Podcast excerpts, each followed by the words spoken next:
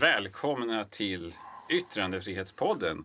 Svenska Pens eh, podd som vi har kört några gånger nu. Sist träffade jag Axel Kronholm och pratade om eh, yttrandefriheten i Sydostasien och Burma specifikt. Idag ska vi prata om något helt annat. Vi ska nämligen prata om eh, Nobelpriset. Det har blivit en stor diskussion om Handke men vi ska också lyfta... Peter Handke. Man ska alltid säga förnamn också. Ah, Okej, okay. Peter Handke. Okay. Det här var Jenny Aschenbrenner. Den österrikiske författaren Peter Handke. Precis. Eh, det har blivit en stor diskussion om det och vi ska ta upp eh, delvis frågan om, om hans Nobelpris men också frågan om eh, den principiella frågan. Om man kan skilja på författare och verk och om en författares politiska åsikter eller handlingar är säga, diskvalificerande på olika sätt. Eh, detta om detta. Eh, välkommen Mikaela Blomqvist, extern ledamot i Nobelkommittén. Tack så mycket. Och Hynek Pallas, eh, frilansjournalist och författare. Typ, ja. Typ. Tack så mycket. Jag brukar själv ha svårt för de där olika titlarna. Och bredvid mig har jag... Jenny Aschenbrenner också, PEN. Precis. Först bara så här, eh, sist pratade jag om Burma. Har ni någon relation till Burma? Vet ni vad som händer där? Ingen relation alls. Nej. Nej. Minimal. Minimal. Ja, det, det är många det är som har minimal. Fruktansvärt tragiskt. Ja, alltså- att det inte har gått så bra. Nej, alltså yttrandefrihetsmässigt inte minst. Det är otroligt sorgligt att följa. Det gick bra ett tag, men sen slutade det gå bra. Mm. Det är väl den korta sammanfattningen. Mm. Det känns som det är väldigt få platser i världen idag där det går bra med yttrandefrihet. Exakt, det är ju så. Och den är, den är nästan det mest belysande exemplet. För att för tio år sedan så trodde man att yes, nu händer det. Mm. Eh, och sen hände det som sagt var lite. Och sen slutade det hända. Kort sammanfattning. så ja, eh, frågan här, Nobelpris och annat. Eh, innan här så sa du Hynek att ni får gärna gå igång med någon riktigt konkret fråga. Och, och det kan vi förstås göra. Ja men det eh, ska vi väl göra. Eh, vi, har ju, vi trots allt är samlade här för att prata om Peter Handkes Nobelpris. Den österrikiska författaren. Den österrikiske Peter författaren Peter Handkes Nobelpris och all kritik som det har fått utstå på grund av hans olika uttalanden kring kriget på Balkan. Men vad säger Hinek Pallas? Vad säger du om det här valet till pristagare? Var det en bra idé? Jag tycker inte att det var en bra idé, men jag måste säga att Uh, och det här, precis som många andra uttalanden, lär jag få fan för. Men det var nog den mest stimulerande debatten jag har alltså det är mycket i den här debatten som verkligen inte är bra. Eh, men den är också väldigt, väldigt viktig tror jag. Så att priset inte så bra, debatten om priset däremot? Alltså jag försöker verkligen, det, det, för min del har det varit relevant för att jag, jag har verkligen fått gå igenom rätt många faser. Eh, jag läste Handke på 90-talet och jag läste honom väldigt mycket med syfte av kriget på Balkan. Jag, jag kommer ur en generation, jag blev liksom vuxen då. Min första och egentligen enda politiska organiserade sak är Sarajevo-listan. Så jag är verkligen sådär, jag läste Handke därför, jag följde det då och det var ju enormt. Och jag fick avsmak. Och jag blev relativt chockad över att han fick priset. Men därför har jag också fått följa rätt många förklarande texter av de som då har fått, fått läsa eller som verkligen har suttit och läst. Både äldre kritiker som var det begav sig, som Stivsen Sandberg, som jag tycker har skrivit en serie utmärkta texter i det här. Men också Mikaela till exempel. Alltså som, som för väldigt intressanta argument. Där jag tror att ditt bästa, ett väldigt kort stycke där du skriver liksom att kan man sätta det här mot 12 000 sidor litteratur? Det var du som skrev det, eller hur? Mm. Och det är väl precis där det står och balanserar. Kan man det? Mm. Och då, då kom jag på vägen hit och förlåt, bara lossnade jag. Men jag satt och läste James Baldwin på tåget och då stötte jag på vad jag översatte till att man ska lyssna till sina egna erfarenheter, man ska inte göra dem till kollektiv dogm. Och väldigt mycket av det vi ser, både i debatten i slutet av 90-talet, som faktiskt rent, rent innehållsmässigt var hårdare än den idag, och idag, så ser vi många som lyfter upp antingen sina egna erfarenheter eller krigsoffers erfarenheter och sätter dem mot en, ett författarskap. Och det är nog där jag började få och jag ska återkomma till det, säkert få anledning att återkomma till det här i det här samtalet. Men där börjar jag känna så här, mm, ah, nah, nah. Det spelar egentligen ingen roll hur starkt syftet är. Kan vi göra så med konsten? Och där, där börjar mina ingångar. Mm. Mm. Mikaela då? Du har ju varit med om det här beslutet och skrivit till försvar för det också. Men, men hur var dina tankar kring det där? Den komplexiteten?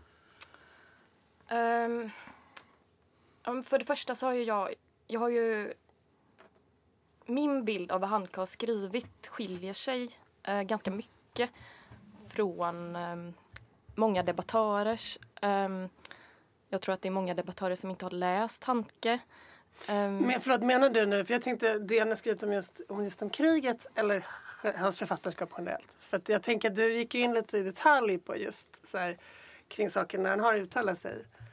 Precis. Om det kontroversiella uttalanden ja. om Balkankriget. Uh, ja, men jag tänker både. Jag tror att ja, man kanske har läst någon bok. Det är många som verkar ha läst Berättelse om ett liv som är från 70-talet och som är 100 sidor lång. Och så tycker man då att man kan uttala sig om hela författarskapet och om Serbienböckerna som man inte har läst. Och um, jag tycker att en bok som Gerechtigkeit för Serbien, jag tycker inte att um, den är stötande på något sätt. Eh, sen kan man diskutera vissa av böckerna som kommer efteråt. Eh, men jag tror också att det är böcker som måste läsas som helhet och så som det har varit i debatten att man har tagit ut enskilda meningar eller halva meningar eller enskilda ord och eh, då försökt utifrån dem leda i bevis att Handke har sagt något som inte är okej. Um, det tycker jag det är ett ohederligt sätt att debattera och jag tycker att så kan man inte läsa litteratur. Eh, för genom de här böckerna så för han det är ju essistiska böcker där han för en eh, dialog med sig själv. Och eh, det han skriver i, mitten är kanske inte vad han kommer fram till mot slutet. Ehm, sen så har han också ett sätt att uttrycka sig som går genom hela författarskapet, eller hela sena författarskapet i alla fall, där han skriver i väldigt långa, slingrande meningar. Och eh, det gör han även i böcker som bara är rena berättelser. Men då har man hållit det emot honom och tycker att han använder de här slingriga meningarna för att slingra sig eh, och eh, framföra hemliga budskap via dem på något sätt. Eh, vilket, jag tycker inte det är riktigt logiskt heller om man vill propagera för något att man skulle göra det genom att vara otydlig. Utan eh, jag tänker att det Handke gör är nästan mer tvärtom. Att han försöker skriva, närma sig ett språk som inte propagerar för någonting. Jag tänker att en slående sak med den här debatten är, förutom de som har gått ut tvärsäkert i olika som debattartiklar, mm. så man frågar runt människor som är väldigt insatta, litterärt kunniga, brukar starka åsikter, så många är just tveksamma. Eh, och han verkar ha ganska diffusa grepp om just vad Handke faktiskt har påstått och inte har påstått. Två anledningar tror jag. Dels är det ett väldigt stort författarskap och det är ju såklart jättesvårt att och, och, och, liksom sätta sig i ett helt författarskap, speciellt den omfång och den längd i tid det har att göra. Där finns en tveksamhet. Och sen så den personliga, jag menar det är rätt mycket som inte är översatt till svenska som till och med är svårt att få tag på på engelska som inte har gått att få tag på här. Eh, och då blir det väldigt oklart. Och när det sen kommer inlägg just, jag menar det väldigt, som sagt, det har skrivits väldigt många intressanta inlägg av folk som till och med har levt i Centraleuropa och recenserat hans teaterpjäser liksom live när det begav sig och följt författarskap och kan liksom föra argument med dem. Men också tyvärr de som ser i, liksom, som du säger, långa slingrande meningar ser budskap som liksom är eh, eh, som om det i sig var ett problem. Jag, jag ser väl inte det, men jag, jag, tycker att i och för sig att det är relativt okontroversiellt att säga att det finns ett, eh, eh, ett relativiserande av folkmord här. Men det, jag tror att vi i svenska debatten också har, har missat väldigt mycket av bakgrunden till det. Och det är den tyska debatten till vad är folkmord. Det finns ju texter som har dykt upp, bland annat i GP där jag skriver, som är så här att förneka ett folkmord är att förneka alla. Och jag tror, jag tror, jag bara vågar gissa lite här, att det egentligen är lite tvärtom med Handke. Att han kommer ur en tysk historiedebatt där, där man relativt sent började liksom diskutera sig fram till att Förintelsen ska betraktas som något väldigt, väldigt unikt för, som det tyska folket har ansvar för. Och det var också en anledning till att hela idén om folkmord blev politiserad och han kan ha väldigt svårt att förhålla sig till det. Nu spelar jag djävulens advokat för jag tycker fortfarande inte att man... Jag tycker, och det är här vi börjar komma in på person och, och verk. Det, det här kanske håller fram till när man, så länge man diskuterar sanning i en text, alltså textens sanning. Men så fort Milosevic begravningen kommer in i bilden där, tog liksom, där var det för mig, där, där är den liksom, där, om det inte var tidigare så kommer det där. Och det, jag tycker inte att man kan argumentera bort det som en liten bisak, utan, eller som att man separerar konstnären från verket. Dels sker det i reaktion mot hur, hur, hur andra konstnärer används i, i en fransk dagstidning. Han tar ett aktivt val och han gör det som författare. Och, och det, det, det för mig det är fullständigt oförståeligt. Alltså det finns förståeliga delar av det i, i, hur han betraktar Serbien och hur han menar är kritisk mot den journalistiska sanningen om Serbien. Mm.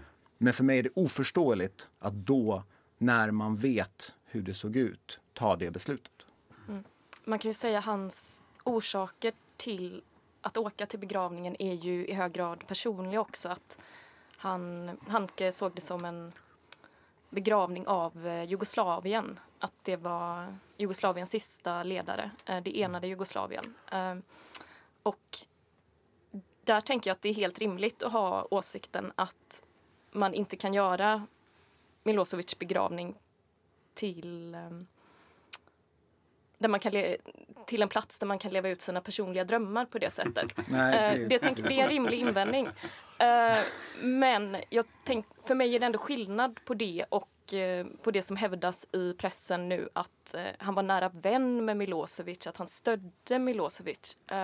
och det gjorde han inte.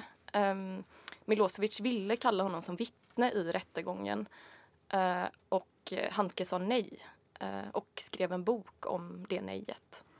Men får jag fråga dig Mikael, jag tänker att du ändå argumenterar lite grann utifrån att det faktiskt spelar roll hur mycket han stödde Milosevic mm. för dig när mm. du ska tilldela priset till honom. Gör det? Alltså. Ja, jag tror inte på en åtskillnad mellan person och verk. Jag kan tycka att det är lite synd att eh, debatten så mycket har hamnat där. Eh, jag läste en intervju med Handke där han fick eh, frågan om det. Eh, en intervju som kom i tysk press nu i veckan. Eh, och då sa han själv också att han tycker inte heller att man kan skilja på person och verk utan han tycker att författaren ska vara en bra person. Um, och jag tror också att det är svårt jag tror Celine till exempel då som har kommit upp i debatten är väl ett undantag men jag tror att det är svårt för någon som är nazist eller fascist. Jag tror att det är svårt för dem att skriva bra skönlitteratur. Um, Varför det? Det blir jag jättenyfiken på men jag tänker om det är ett riktigt skrivande eh, som Handkes skrivande är som ja, men är innerligt på något sätt och handlar om att han hela tiden granskar sitt innersta och ifrågasätter det. Då skönlitteratur ska ju vara dynamisk, inte dogmatisk. Och, jag, skulle, jag skulle verkligen vilja, vilja sätta ner foten här och säga att jag, jag, det, här är, det här är ett så svenskt perspektiv så att, och jag, jag tänkte komma in på det här. Jag, jag, jag är känd för att dra upp vad jag kommer. Jag lever deltid i Tjeckien så jag kan inte inte göra det och jag jobbar väldigt mycket med att skriva om minneskultur och är eh, alldeles för intresserad av det kommunistförflutna. Så jag följer ju väldigt mycket debatten om just konstnärskap och konstnärer och författare och hur folk har verkat. Och till och med det liksom totalitära 50-talet har ju tillskyndare. Ett, ett av problemen med Milan Kundera är ju att han, han var alltså övertygad kommunist under 50-talet. Så man förstås tycka vad man vill om hans skrivande och hans, att han senare vänder sig mot det och att han blir en sökande författare och faktiskt blir väldigt mycket bättre. Eh, men många av dem, jag menar en författare som Bohemil Hrabal som är väl mitt det absolut största sorgen att han inte fick Nobelpriset. Han, han var sannolikt inte kommunist men han var, blev tvungen att bli medlöpare som så många andra i det kommunistiska Östeuropa för att det pågick så pass länge. Och sen kanske man, det här är en helt annan diskussion om man kan jämföra fascism och att vara kommunist i sådana samhällen. Men lik förbannat så gör man sig ju till man underkastar sig ett samhälle där det är förbjudet att gå över vissa gränser eller undersöka sig själv. Så, och där har vi ju som Hrabal då, som, som jag verkligen avgudar, är ju en författare som absolut inte kan kritiseras för att inte, inte, inte klara av att liksom det här ansakande och så vidare. Eh, och vi har en massa andra författare, Seifert som fick priset mm. på, på 80-talet. Men där har du ju någon sorts ytlig bekännelse. Jo, alltså, men jag det, det, Mikael var inne på någon sorts inre övertygelse om det, att vissa maktstrukturer är de korrekta. Att absolut, men det finns, det, jag, jag tror inte, jag tror att det finns de som också är övertygade om ideologi. Tvärtom, jag tror till och med att det kan vara en fördel att ha en extremt stark fixpunkt i sitt liv jag tror, jag tror att det har varit till en fördel för många författare att ha helt dogmatiska övertygelser. Men om man tar kommunismen så har vi ju inte minst många författare i Västeuropa som, som var mm. Moskva-trogna Fast de, oh, absolut, men de lever inte i totalitära samhällen. Jag tror Nej. att man måste, man måste ändå komma ihåg att Visst, absolut. Eh, där kan man, det, det, här det är ju egentligen för en längre diskussion. Men jag kan i alla fall passa på att överföra det till frågan om att titta på folks handlingar och vad de ska så att säga straffas för. För att om du kollar på folk som var aktiva kulturutövare liksom, eh, i kommunistiska länder 88. De är ju aktiva kulturutövare i nästan alla fall 1992 också. Och fortsätter så. Och den här, en, en alla de här länderna har haft sina olika debatter. Jag skrev i, under hösten om, om en tjeckisk populärmusiker som var aktiv från 1965 tills han, han dog i höstas. Och han var den mest liksom, prisbelönta tjeckiska konstnären någonsin. Det vill säga under alla regimer, under djupaste mm. kommunism och under liksom, demokratin idag. Han fick en statsbegravning precis som Václav Havel. Och det utbröt ju en debatt precis som det här. Som var lite där man kan sammanfatta min position i alla fall, att men det är klart att det är fint att lyssna på honom, han var en bra popmusiker. Men att det går för långt att ge honom en statsbegravning. Ja, det är inte det är jämförbart med Handke. Officiella... Handke var inte en medlöpare i en regim. Men, mm. men, men jag jämför just de här med person och övertygelse och konst. Det är det jag menar. Mm. Uh, ja. ja um, för jag tänker om vi går tillbaka till det här med ja, men dogmatik. Jag tror mm. inte att det kan bli bra skönlitteratur utifrån dogmatik. Mm. Om man ser på till exempel eh, ja, men säg Strindberg och hans eh, kvinnosyn. Mm. Eh, och då kan jag tycka att Strindberg har skrivit många intressanta saker om kvinnor och En dåres försvarstal tycker jag är en fantastisk bok till exempel. Eh, men det är ju just för att Strindberg inte har en fixerad position. Mm. Även om han har, han har ju åsikter och det är klart att det måste författare ha. Men eh, det är åsikter som hela tiden är öppna för omprövning. Mm. Eh, jag tror att det är det jag tänker mig att Handke har till exempel. Jesper, Nej, men jag, jag tänkte om man, om man tar ett steg till. Det, det som också har kommit upp i debatten här lite.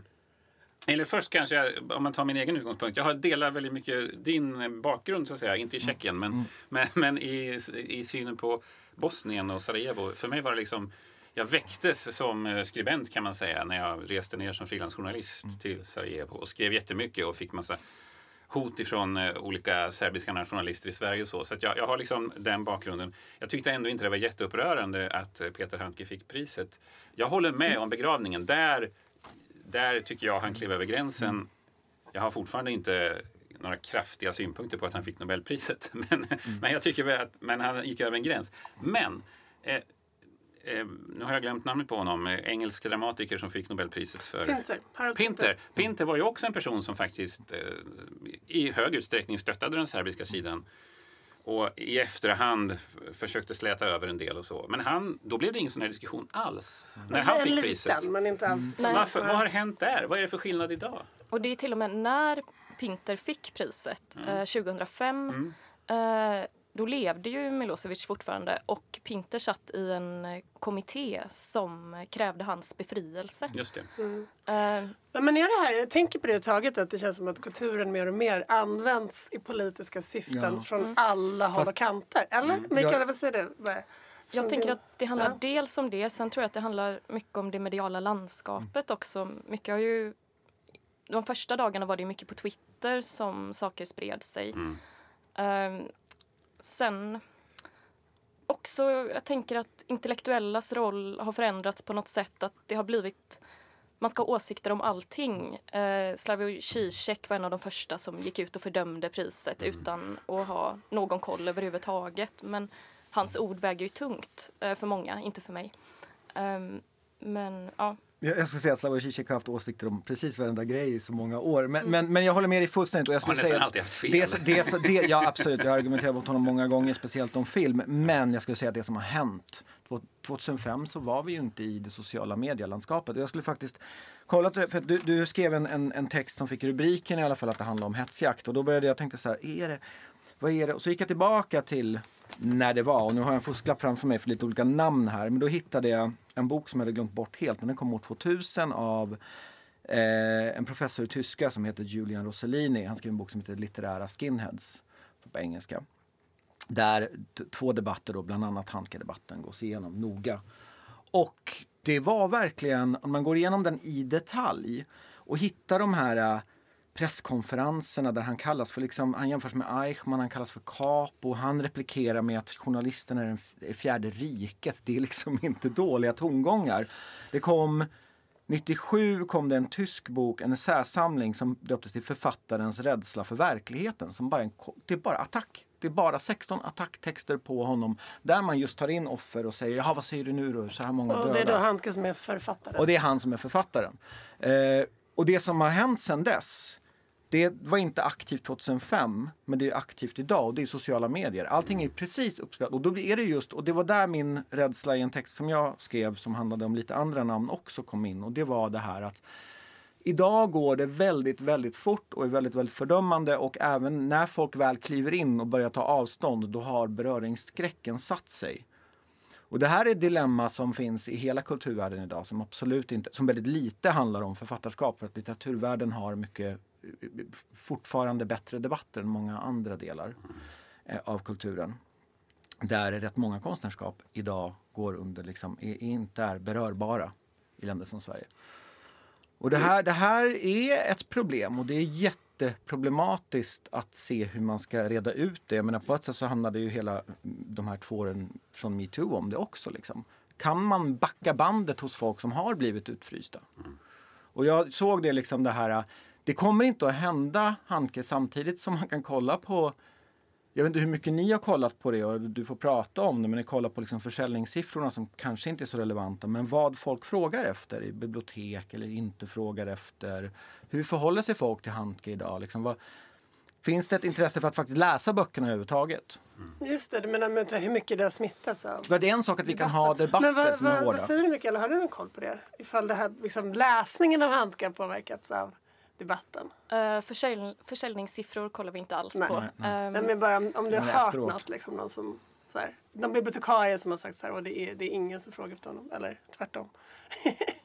nej, jag, det kanske är skillnad i, eller jag bor ju i Göteborg också um, och um, jag tycker att det är lite mer ängsligt i Stockholm. Men ja. Alltid ängsligare i Stockholm. I Göteborg så, så verkar folk läsa Handke. Ja. Och, Nej, men jag hörde någon, faktiskt en, en kulturchef i min närhet som sa att problemet med Handke-debatten är att läsarna är fullständigt ointresserade. Mm. mm. Samtidigt som det för den liksom, intellektuella litterära världen i Sverige är en väldigt stor debatt. Så för mm. allmänheten är den totalt Oh, alltså det, det finns som att det inte finns några ingångar mm. i debatten. Nej, jag, har, jag har noterat det från chefer i min närhet också. Och det är, det är ju tråkigt, men det, det, det, tror jag inte har att göra med beröringsskräck. Jag tror det har att göra med att en författare som hade försvunnit ur, ur landskapet på många sätt. Mm. Och eh, var svår att ta, liksom, återintroducera. Mm. Så, men då kanske folk har en starkare relation till men, Michael Jackson-debatten till exempel? Ja, eh, absolut. Eller, eh, eller Woody Allen eller Roman Polanski eller, eller vad det nu kan vara. Lustigt nog så är det ju inte, har de möjligen det. Men jag, jag, jag måste säga att jag skrev om Woody Allen som de, när jag skrev om det, då var det många som inte visste det om det jag skrev om. Alltså, och det var att Woody Allens senaste film, ja. efter att alla hans filmer i alla år har kommit till svenska biografer, så kom inte hans nya film till Sverige. Mm. Det var inte ett ljud i någon tidning. Alla vi som jobbar med film visste ju såklart det här. Hans filmer kom och, ju varje år. Och det sätter du direkt relation till anklagelserna? Ja, vi vet ju inte för att distributören har ju inte uttalat Nej. sig. Men, men, det, men bara för att det är bakgrund till lyssnarna ja, här. Ja, ja, ja. Vi får utgå ifrån det för att allting talar för det. Mm. Och det, vi vet ju att han förlorade sin distributör i USA. Vi vet att han förlorade, alltså Amazon skulle betalt hans kommande mm. film. De rev mm. kontraktet och det, de håller på att förlika nu. Han fick inte liksom ge ut sin, eller inget förlag vill ta i honom för att ge ut hans biografi. Det är inte så att jag tycker, jag, jag, tror, jag tror det löser sig för Woody Allen. Det är inte det jag menar. Vad jag menar är att det är otroligt konstigt för mig i det skrå jag verkar i, som är främst i filmen, att det överhuvudtaget inte tas upp. Och när jag har tagit upp det, även offentligt, då är det filmredaktörer skiter fullständigt i det. De tycker inte att det är speciellt relevant. Du menar problemet med att folk plockas bort? Det har ju varit lite diskussioner om att till exempel vissa tv-serier har bara plockats bort från streamingtjänster. Ja, lite sådär mm, punch-off, eller? Ganska lite ja. har det varit. Det var House of Cards, då kunde man ju inte ignorera. Det var ju också när det var som hetast, ja. Kevin Spacey liksom Men sen har det ju... Och det var väl bara han som plockades bort? Ja, Serien precis. fortsätter ju. Jag, jag, jag vill påpeka här att vi talar om de absolut största namnen. De är redan rika och de kommer klara sig. Deras, deras liksom produktion finns ute. Beröringsskräck handlar mer om de som liksom inte har hunnit ut på banan. Nu kommer ju inte Woody Allen till Sverige så uppenbarligen så påverkar det ändå även ett så stort namn. Eh, Polanski ligger etta på biotoppen i Frankrike samtidigt som de bojkottar, eller liksom ser till att folk fysiskt inte kommer in på biograferna. Eh, men det jag försöker hålla koll på det är de mindre namnen. De som antingen är mindre i svensk kontext eller mindre som precis har börjat. Där deras karriärer helt enkelt tar slut innan. Och det, där det handlar om liksom spridda anklagelser som bara det är bättre att inte ha med den här personen att göra. För säkerhets skull. För säkerhets skull. Och då blir det ju svårt, liksom, har vi inte ens debatter om Woody Allen eller Polanski eller vad det nu kan vara. De här människorna missar vi helt. Så jag menar ju också att i vår tid så är det något som sipprar ner. Och eh, det är mycket svårare idag att prata om det eh, än förr i tiden. Det är som om man behöver idag att någonting ska censureras i en diktatur för att vi ens ska förstå att det hindras, att det på något sätt stoppas. Och jag, jag skulle vilja ha en bättre debatt om där man vågade tala till exempel om eh, McCarthyismen i USA. Folk skrattar när jag tar upp jämförelsen och då, då, då frågar de först, känner, vet ni vad som hände? Och det visar de flesta har ingen aning om att den där, vad den där svarta listan var. Att det var frivilligt och att det i väldigt stor utsträckning handlade om organisationer av konservativa och republikaner som alltså utövade påtryckningar på studios enskilda serier och göra sig av med folk. Det var så väldigt, väldigt likt metoo. Och mm. det här påverkade amerikanskt kulturlandskap på djupet i decennier. Inte bara i enskilda liv, utan på djupet. Så vi skulle kunna dra väldigt stora lärdomar av det oavsett vad vi tycker. Men när jag tar upp det så är det inte ens debatt. Liksom. Det, det, blir, det blir stopp.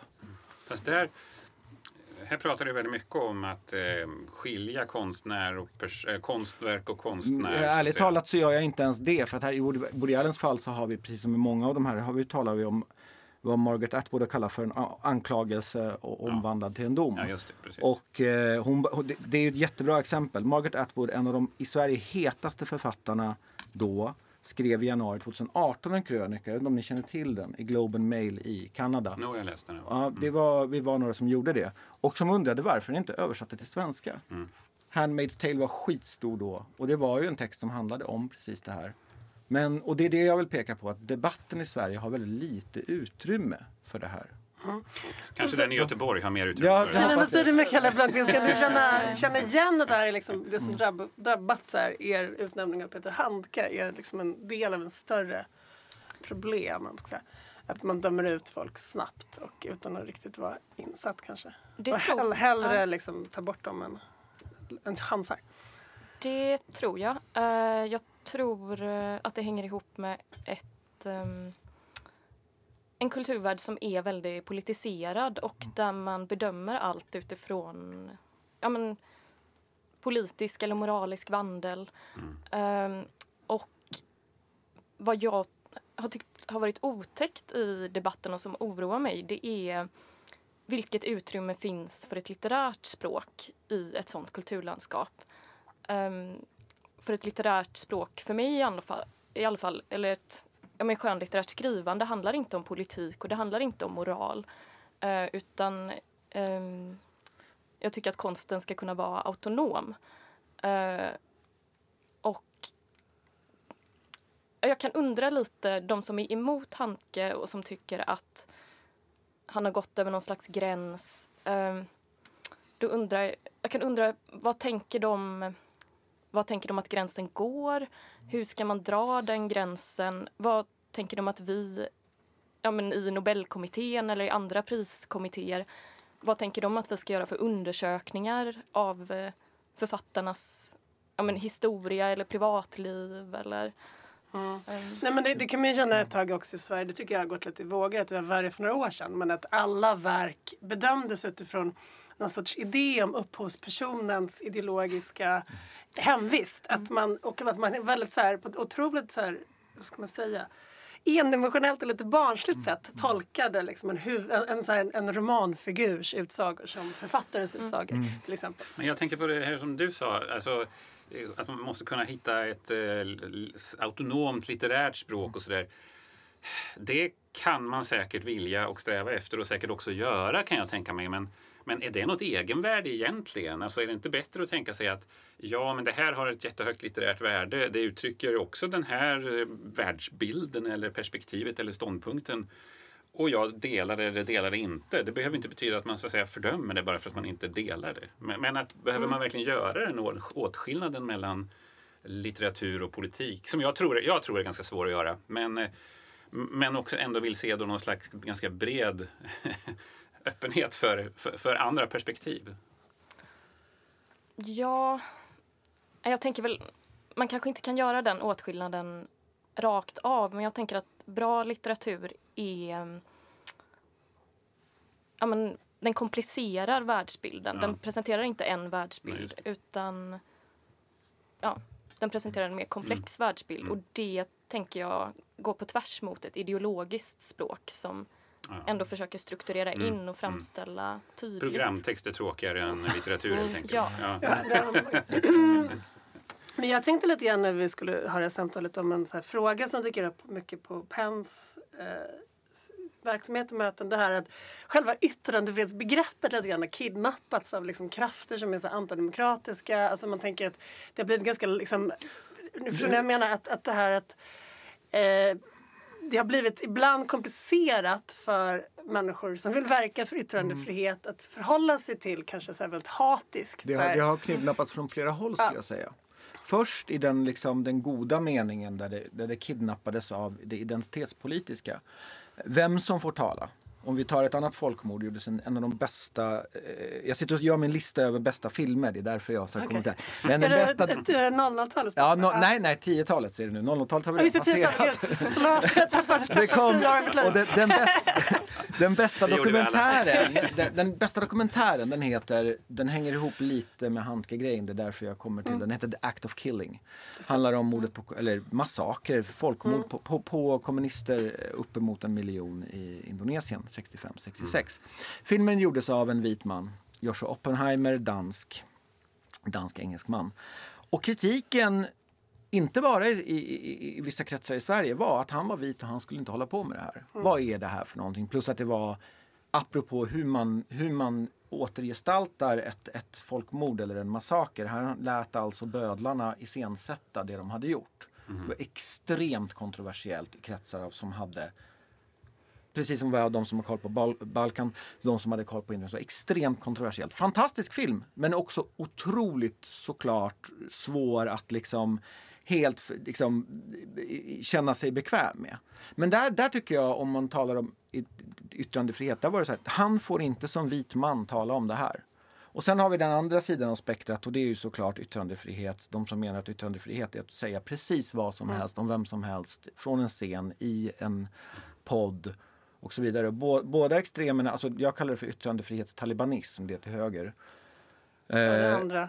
Och det andra kallar jag bara för identitetspolitik. Ja. Det, det, bara, det, brukar ofta vara det runt talibanerna också. Men, men, men ingen deras position försvarar direkt yttrandefriheten tycker jag. Tvärtom, den, den, den tränger ihop det. Mm, men jag tänker att lite grann det här tar ner den frågan. Att mm. så här, eh, hur, vad kan en författare säga, göra, stå för utan att på något sätt gör, ändå göra sig omöjlig? Mm. Fast det, det, det, det jag funderar på, om det inte, måste det inte finnas någon gräns? Och då säger du Mikaela att ja, men gränsen är att man kan inte skriva bra litteratur om en nazist. Men, men om man kan det då? Ja. Eh, är, är, det fortfarande värt eh, priser och läsning så att säga? Eller, eller finns det faktiskt en gräns liksom, för vad, där man måste koppla ihop det? Jag tänker att man får dra någon anständig gräns vid ja, men hets mot folkgrupp till mm. exempel. Mm. Um, men, ja. men att juridiken egentligen tänker jag är den enda gränsen som inte blir godtycklig. Mm. Jag tänker att man har en princip. Jag har en princip, eh, eller liksom man ska, ska säga liksom om, om, om det här att man ska separera person och verk. Men att eh, varje gång sådana här debatter kommer upp så får jag fråga. Och det är väl det, det, det om, man, om man vill vara tänkande varelse så får man ifrågasätta det hela tiden. Jag känner ganska stark liksom, jag känner det är en rätt svår fråga men, men Eh, man får helt enkelt sätta upp principen. Och där, där är väl det som Mikaela säger som är, som är lite... Jag, jag kan inte hålla med om att det är helt autonomt. Men det blir just den här frågan, var ska man då dra gränsen och vem ska göra det och hur ska Nobelkommittén göra det? Och vill, alltså, det, det, till sist så är det där du är nere. Jag vill, jag vill tillägga en sak, för det känns som att i Sverige så tror man att, att, uh, att uh, Handke gick mot strömmen. Och det, det, skulle jag vilja uppmärksamma er om att det är inte riktigt så lätt. Och därför plockade jag upp, det ser ju inte lyssnarna här, men det här är en tjeckisk eh, kultur, vänsterkulturtidskrift. Och där står det Nobelpriset i litteratur. Stort på omslaget så att alla fattar. Och det är rätt mycket, det handlar alltså inte om Olga, det handlar bara om Peter Handke. Eh, det mesta är rätt politiskt och mesta utgår ifrån, och det var inte förrän jag läste det här som jag insåg att NATO-bombarderingarna 99 de sker alltså månader efter att flera östeuropeiska länder hade gått med i Nato. Det var ett extremt kontroversiellt beslut för många och, och bombningarna, att, att bomba en tidigare syskonnation i östblocket eh, stöddes av mindre än 30 procent i Tjeckien. Det var, ba, det var i och med att Václav Havel la sin moraliska tyngd bakom som det överhuvudtaget gick att driva igenom. Och de här texterna de återaktiverar hur smärtsamt det är. Alla ställer sig på Handkes sida. De menar att det är västfantasier att liksom mm att han, att han, att han är si så. Och vissa går så långt som att jo men absolut, han höll ju med serberna men det måste ju någon göra. Så här, i, i den kontexten så går han ju inte alls mot någon ström. Och så var det i flera centraleuropeiska och slaviska länder. trots ja, allt. Mm. Fast i den kontexten där han själv verkar. Han bor ju i Frankrike, eh, är österrikare, eh, tyskspråkig. Och i en österrikisk-tysk eller fransk kontext, då går jo. han ju mot strömmen väldigt tydligt. Det, det, det, så jag menar bara att det såklart fanns en värld där han, han fick väldigt starkt medhåll. Det var inte som att det var några små fickor av bara serbiska extremister. Och kanske ännu mer innan eh, 99. Innan ja, bombningarna i, där. För att det var, det var, där blev det lite mer jämnt skägg kanske, även i den svenska debatten till exempel, mm. om man var för eller emot det. Mm. Men, eh, men i Bosnienkriget eller på Balkan då, så mm. var det ju, då, då, då var det mycket tydligare. Eh, vilket det borde vara också. Ja. Ja, men alltså, vi kanske måste runda av. Ja, det kanske vi måste göra. Ja, tiden går fort. Men tack så mycket för att ni kom. Ja, tack, tack så mycket. Tack, det var ja. intressant. Mm. Jätteintressant. Pallas, Mikaela Blomqvist, tack. Ni har lyssnat på Yttrandefrihetspodden. Det kanske vi ska säga också. Ja.